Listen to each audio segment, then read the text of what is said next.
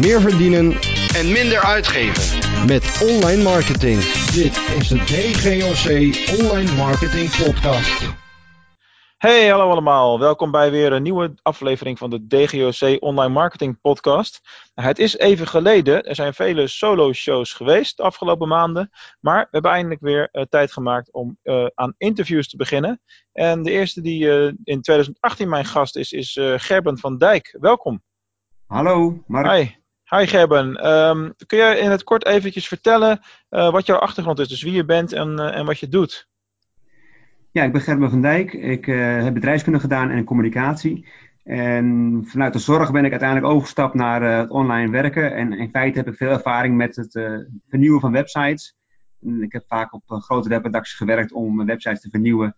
En in de loop der jaren ook meer geïnteresseerd geraakt in SEO, dus zoekwoord, zoekmachine optimalisatie. En daar ben ik het laatste jaar ook veel mee bezig. Terwijl ik eigenlijk in een non-profit werk. En dat is wel een grappige tegenstelling misschien. Omdat ja, ja. bij webwinkels en dergelijke uh, ja, SEO cruciaal is. En, maar, maar goed, ook bij non-profit bedrijven is het belangrijk. Omdat er toch ook steeds meer content komt. En uh, het moeilijk blijft om op te vallen binnen de overdaad aan content in de wereld. Uh, ja, dat is feit. Uh, ik moet wel gelijk denken aan een situatie die ik een paar jaar geleden had toen ik nog in de luisterboeken zat. Want je hebt het over de non-profit sector. Ik kan me nog goed herinneren dat, uh, dat de bibliotheken op een gegeven moment ook met luisterboeken aan de slag gingen. En die hebben een enorm sterk uh, website-netwerk. En die hadden één uh, best wel beperkte pagina over luisterboeken, maar die kwamen daar in één keer bam de top 3 mee binnen. Super. En dat was hartstikke leuk voor hun, maar al mijn jaren van hard werk kostte mij wel die positie. Oh, dus je, bent, je hebt het moeten afleggen tegen non-profit acties. Ja. ja, maar ja, goed. Maar, ja, het laat ook wel een beetje zien dat, dat linkbuilding misschien nog wel essentieel is, dus eigenlijk. Hè? Exact. Want ja. al die linkjes uh, hebben zij jou uh, verslagen, dus eigenlijk. Ja, die plaatsen één artikel en die komt op al die, uh, die, die, wordt gelinkt vanuit al die bibliotheeksites. En dat zijn er gelijk, weet ik veel, hoeveel vestigingen zijn er nog? Duizend ja. of zo? dat gaat hard. Ja, ja zo'n 400 steden, ja, zeker wel. Dat gaat hard. Oh ja, dan kun je niet tegenaan SEO'en. Niet op linkbuilding gebied in elk geval, nee. Dat is één ding wat zeker is. Hey, maar um, non-profit uh, uh, achtergrond dus. Maar wat is jouw, uh, hoe ben je de SEO ingerold, zeg maar? Wat is jouw achtergrond als SEO-specialist? Ehm, nou, ik heb vorig jaar, ik ben niet zo lang specialist, ik noem me eigenlijk meer adviseur. Maar ik heb inderdaad vorig jaar een cursus gedaan bij SEO Guru. Eigenlijk verschillende cursussen. SEO Guru in Amsterdam geeft dus cursussen aan tekstschrijvers, maar ook aan webbouwers. -hmm. En mensen die websites analyseren. En ik heb eigenlijk de cursus gedaan waarbij je de website analyseert van, uh, op paginaniveau of het technisch klopt. Maar ook bijvoorbeeld bij webwinkels of je bladerfunctie goed is of je unieke URL's hebt. Uh, nou ja, natuurlijk ook aanwezigheid van titels en meta-descriptions, waar we ook nog over gaan hebben. Ja. Maar de website over de concurrentieanalyse van, uh, en ook hoe je zoekwoorden opzoekt. Dus eigenlijk ja, een soort stramien gekregen van SEO Guru over hoe je zo'n website dan kan beoordelen. En uiteindelijk in een proeven afgestudeerd, zeg maar. Of nou ja, het is een korte cursus, maar in een soort proeven een soort website beoordeeld uh, om daar zeg maar advies over te kunnen maken. Ja, ja, ja. Op die manier ben ik gewoon uh, ja, met, die verdiept in uh, SEO. Hoewel ik ook nog weet dat er nog mensen zijn die nog meer de informatica kant hebben. Dus die specialist heb je ook. Die, die, ja, die kijken nog meer naar welke linkbuilding je nodig hebt, van welke soort servers. En je kunt nog veel dieper in de techniek gaan, zeg maar, blijkt. Ja, joh, dat, uh, dat is absoluut waar. En uh, de ene is meer gefocust op de voorkant en de content en uh, interne linking en dat soort dingen allemaal. En de andere is echt heel erg gefocust op de techniek van een site bijvoorbeeld. Ja. En, of, of snelheid van een website, wat ook natuurlijk een grote factor is tegenwoordig. En ja, ja zo zijn er natuurlijk een heleboel, een heleboel mogelijkheden. Hey, wij zijn met elkaar in gesprek geraakt volgens mij op een LinkedIn discussie die ik toen heb opgestart over de langere meta-omschrijving. En, ja. Uh, ja, dat is natuurlijk wel een beetje een ding geworden de afgelopen twee maanden. Dat is eind november, begin december een beetje losgekomen. En ja. uh, alle specialisten vallen dan op een gegeven moment over elkaar heen om daar een mening over te hebben. En ja. uh, ik vond het persoonlijk nog vrij lang duren voordat Joost daar iets over zei. Dat is inmiddels gelukkig ook gebeurd. En, en die plugins al een update krijgen of hebben gehad. En wat is de kwestie? Google heeft in feite de meta-omschrijving en voor de helft van de luisteraars heeft zoiets van, wat is dat ook alweer? Uh, dat is dus de omschrijving die je binnen Google ziet onder de titel. Dus echt de omschrijving van een pagina. Die heeft de lengte daarvan gewijzigd zoals die in de zoekresultaten wordt weergegeven. Of de maximale lengte daarvan. die is gegaan naar pak een beet 325 tekens. En we komen van de old school methodes 155, als ik me niet vergis. Nou, Klopt. dat is natuurlijk een enorme grote verandering, maar zo zwart-wit is het niet. Um, ja, wat, wat moeten we hiermee doen? Ik bedoel, eh, alle specialisten hebben er een mening over. Iedereen valt over elkaar heen. Uh, website en webwinkel-eigenaren hebben geen idee wat ze ermee moeten. Uh, wat, wat, wat zou jij als eerste meegeven? Nou ja, ik uh, volg zelf de blog Moz met de MOZ. dat is de Amerikaanse website die ja, groot SEO-onderzoek doet in Amerika. Dat is natuurlijk niet helemaal representatief, want wij hebben in Europa misschien nog wat achterlopende ontwikkelingen dan ten opzichte van Amerika. Maar zij hebben daar verschillende testen uitgevoerd. Uh, ook met de meta-descriptions. Dus eigenlijk hoe, hoe, hoe, toont Google nou die zoekresultaten. En ze komen inderdaad uit op uh, een soort uh, stand van 325 tekens op het scherm. dus een langere beschrijving dan voorheen. Um, en dat lijkt dus ook gewoon de situatie zijn dat Google dat nu zeg maar, heeft ingevoerd. En het blijft natuurlijk een beetje gissen, maar ik volg dan de discussie. En iemand zegt dan bijvoorbeeld van het is waarschijnlijk geen experiment van Google, omdat het toch al uh, twee jaar lang bezig is met experimenteren. Dus eigenlijk wordt daar gedacht in, die, in de trant van waarschijnlijk blijft het wel.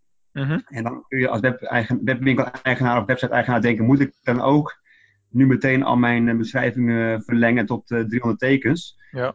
Op zich kun je 320 tekens gaan ongeveer om veilig te zitten. Uh, maar er zijn ook verschillende opvattingen over inderdaad. Het is inderdaad niet zwart-wit, want je kan ook denken, Google die wordt ook steeds beter uh, in staat om uh, zelf een meta-description te genereren. Want als je niks invult op je webpagina, dan kijkt Google naar de zoekwoorden die iemand intypt. En als jouw pagina daarin past, dan kiest hij zelf zinnetjes uit die nu wat langer zijn dus, om uit te leggen wat op jouw pagina staat. Dus het kan ook zijn dat Google het eigenlijk prima doet. En voor heel veel mensen de juiste snippet of de juiste tekst weergeeft.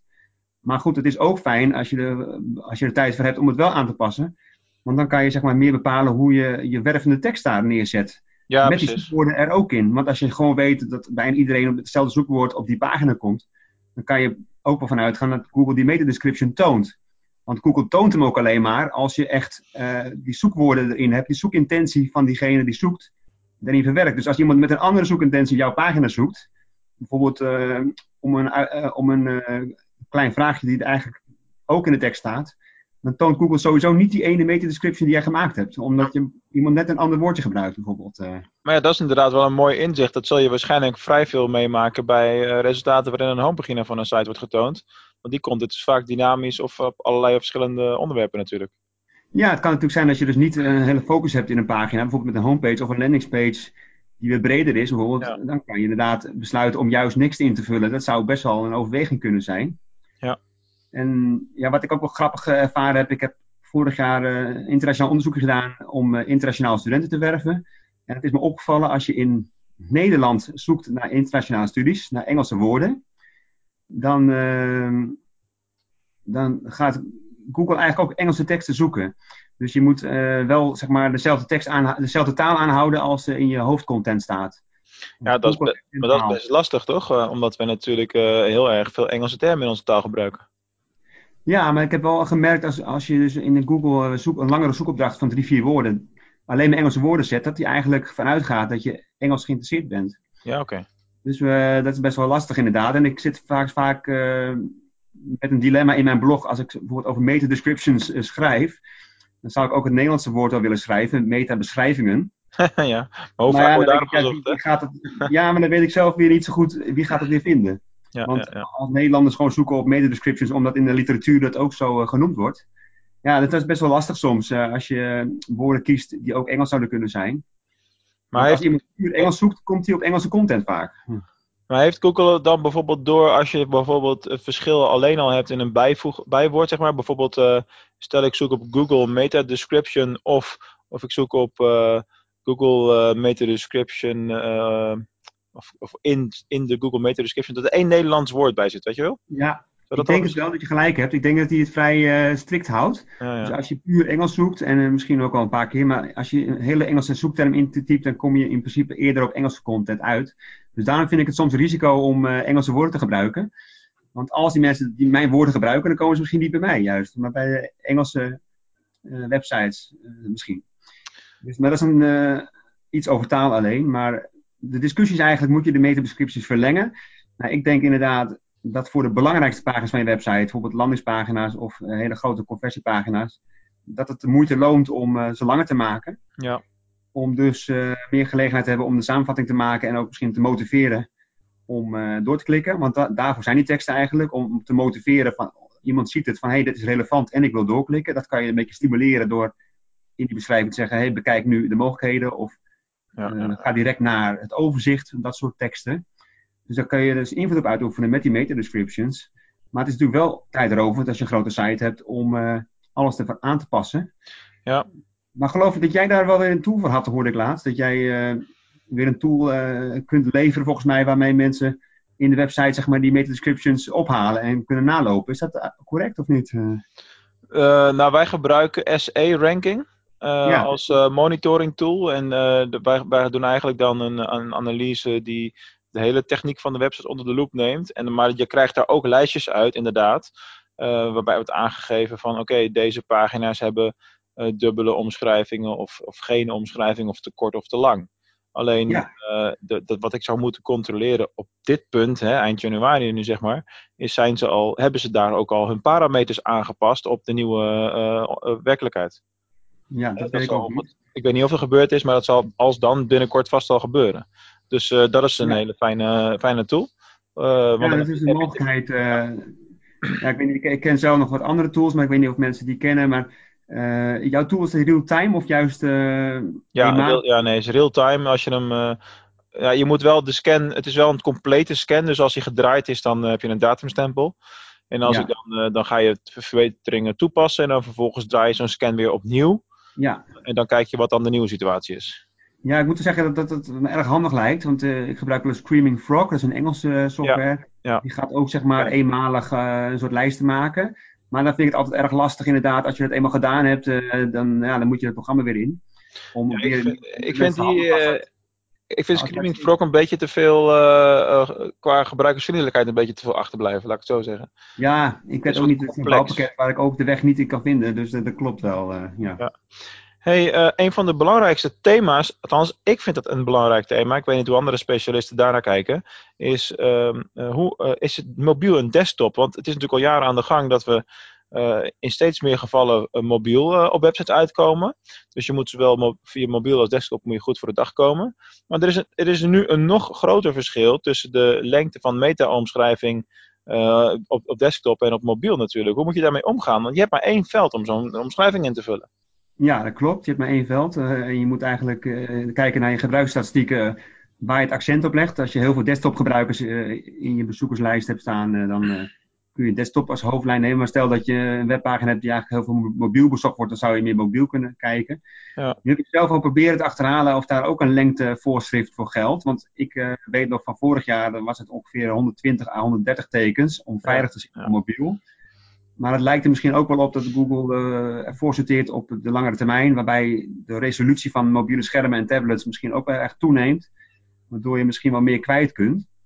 Maar ik uh, zou eigenlijk denken, persoonlijk, omdat ik er niet echt een, een leiding zie, om toch in de metabeschrijving de eerste 120 tekens zo in te vullen dat je dus, als je dat zou lezen, ook al ongeveer weet wat de pagina te bieden heeft. Ja, daar zou ik zelf ook aan te denken. Maar dat lijkt me wel heel complex. Eh, dan wordt het, het schrijven van die omschrijvingen wordt eigenlijk alleen maar moeilijker.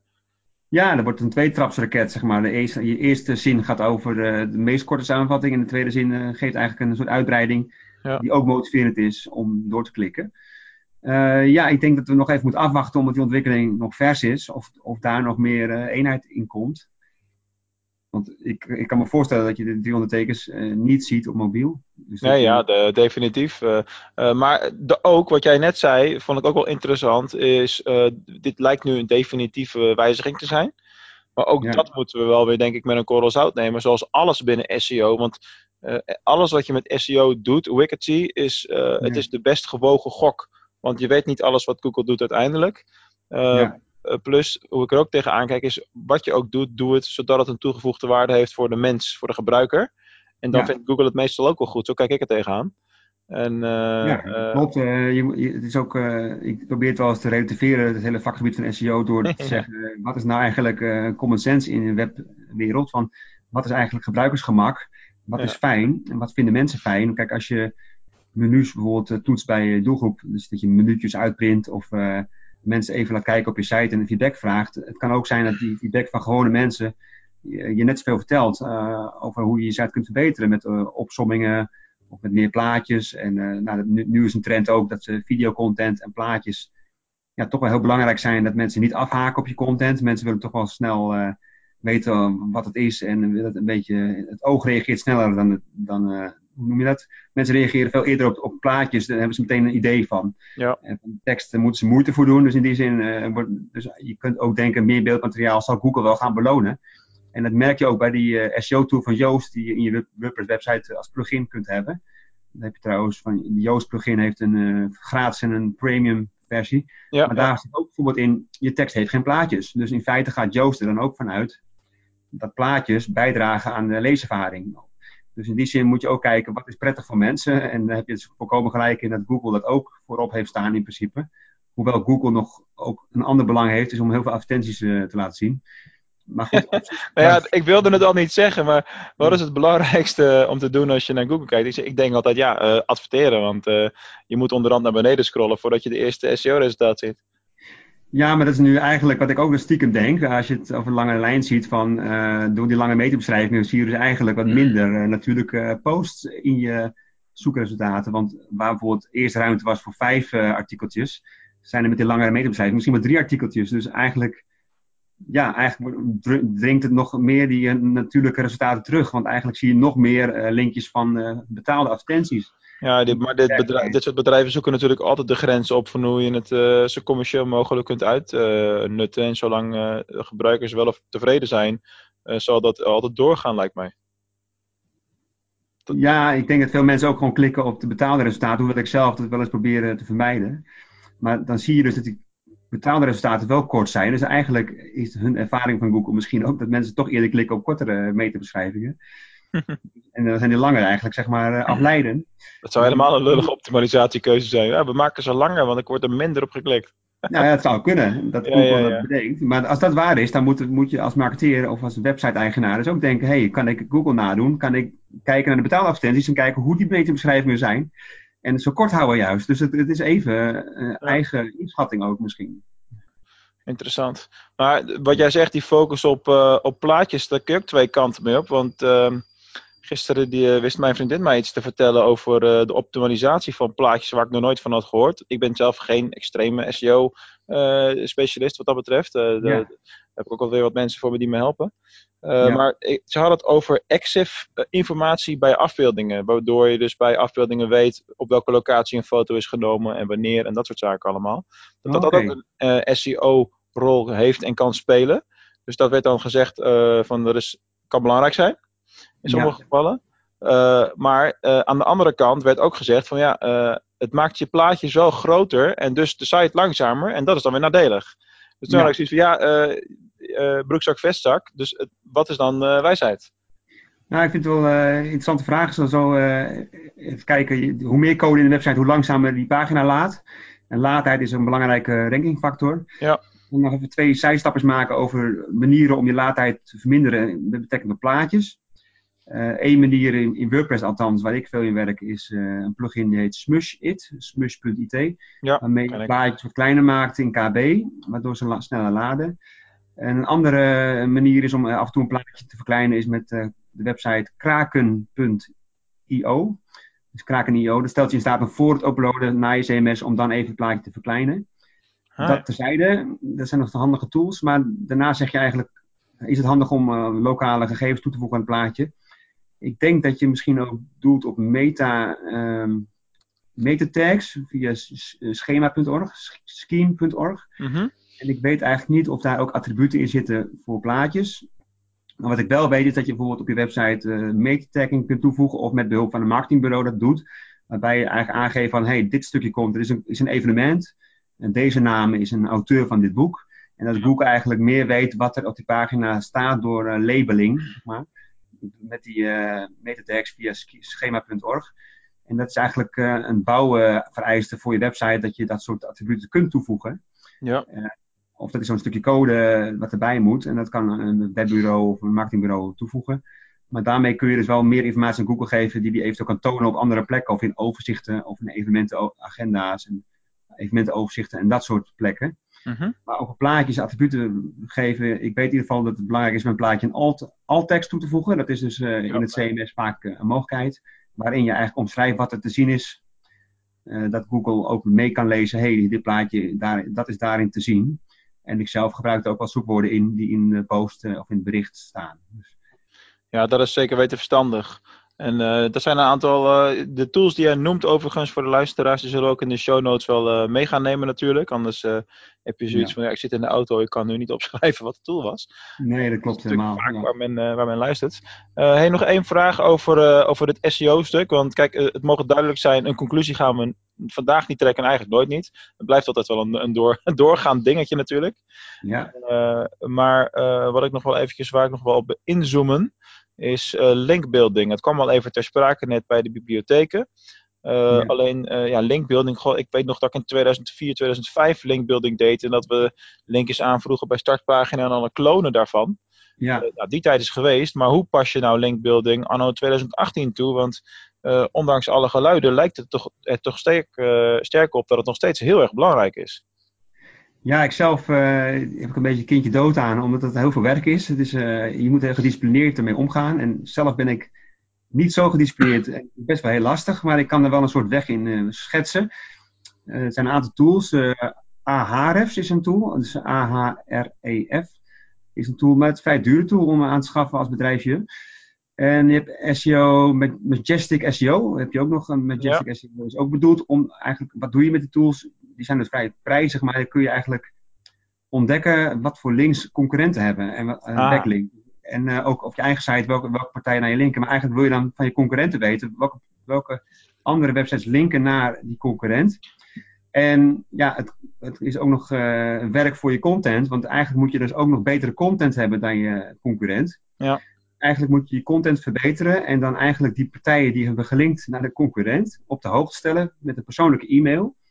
Dat je zegt, hé, hey, eh, ik zie dat jij eh, linkt naar die eh, bijdrage daarover. Maar die heb ik eigenlijk een betere versie van. Ik heb eigenlijk een meer eh geüpdate versie. Zou je die naar mij linken?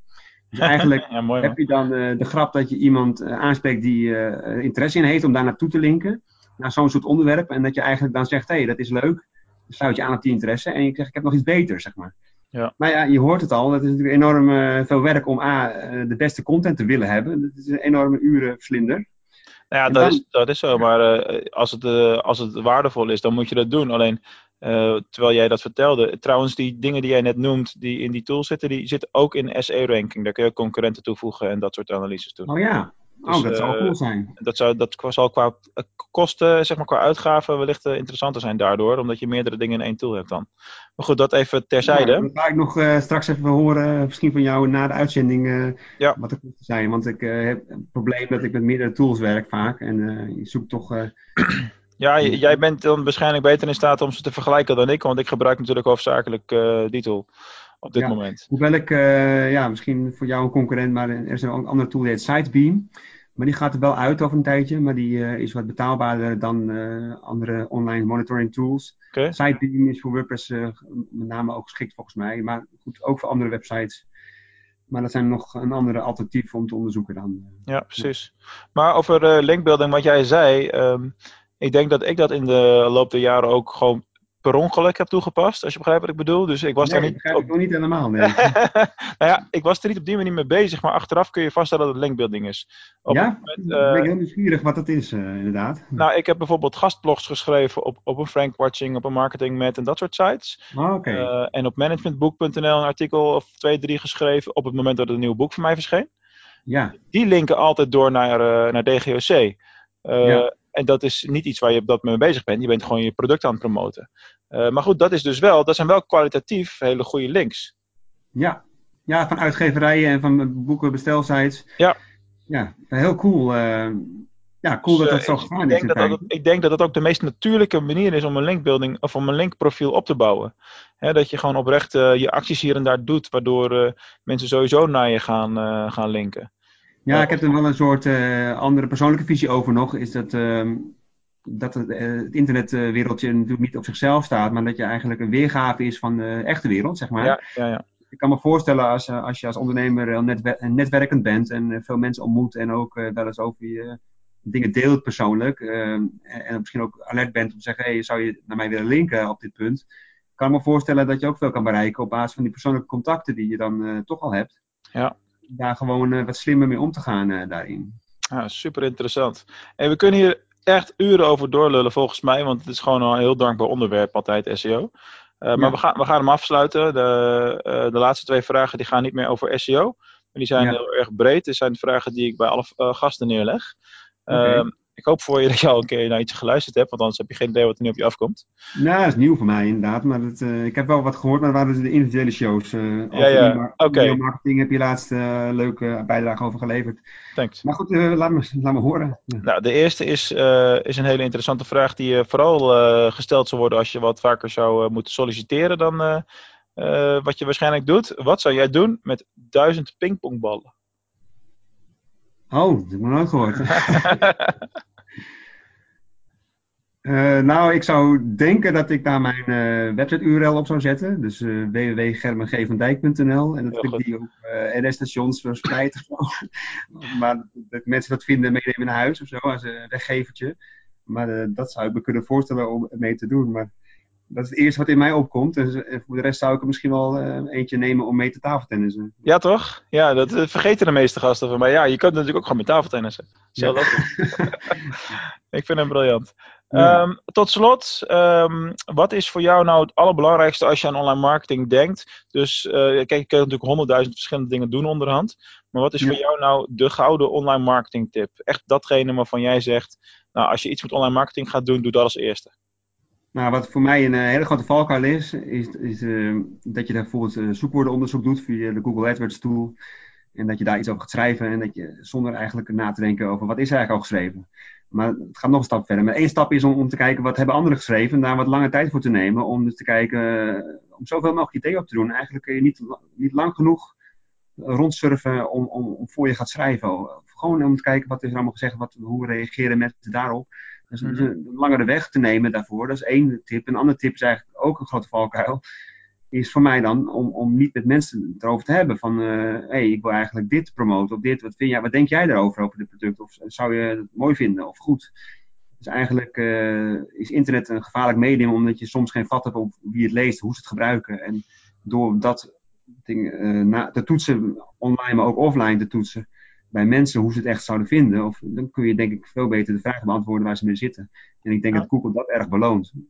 Maar dat sluit ook mooi aan op wat jij net zei, dat uh, het internet misschien ook wel een spiegel is uh, van, uh, van de echte wereld. En, en, en sowieso online en offline gaan wat dat betreft, wat mij betreft, al hand in hand. En ik denk dat het ook belangrijk is om je altijd offline te blijven laten zien. Hè, getuigen ook het feit dat wij bijvoorbeeld op de webwinkelvakdagen stonden de afgelopen, afgelopen week. Oh, wat leuk. Ja, uh, ja dat, is, dat, dat geeft gewoon weer een hele andere dynamiek aan je business. En dat is gewoon ook heel erg uh, leuk, belangrijk en, uh, en waardevol. Uh, ja, tof. Germen, ik wil jou op deze plaats hartelijk danken voor, voor het gesprek. Ik vond het super, super interessant. En wat ik al zei, we kunnen hier nog heel lang over doorkletsen. Wellicht dat we dat in de uitzending ook nog wel doen. ja. En uh, ja, bedankt. Uh, luisteraars, jullie ook bedankt weer voor het luisteren naar deze online marketing podcast. En tot slot wil ik nog een klein stukje ongegeneerde reclame maken. Namelijk, op de webwinkelvakdagen hebben wij iets nieuws gelanceerd. En dat is de online webwinkel community Succes met e-commerce.nl. Dan zou je denken, hey, succes met e-commerce, dat komt me iets te bekend voor. Dat is namelijk dezelfde titel als uh, mijn eerste boek, inmiddels alweer uit 2014. Op dit moment zitten we in de lanceringsfase en kun je gratis lid worden. En zijn de verschillende cursussen en materialen ook gratis beschikbaar tot 31 maart. En in de tussentijd bereid ik dan een uh, betaald lidmaatschapsmodel voor. En kunnen we al mooi met elkaar in discussie gaan over allerlei webwinkel marketingonderwerpen. Dus de oproep is, sluit je aan, ga naar succesmet-e-commerce.nl. Voor nu, bedankt ja, voor het luisteren. Ja. Gerben denkt, hé, hey, ik meld me gelijk even aan. Ja. Hey, voor nu, bedankt voor het luisteren en uh, tot de volgende keer weer. Oké, doei.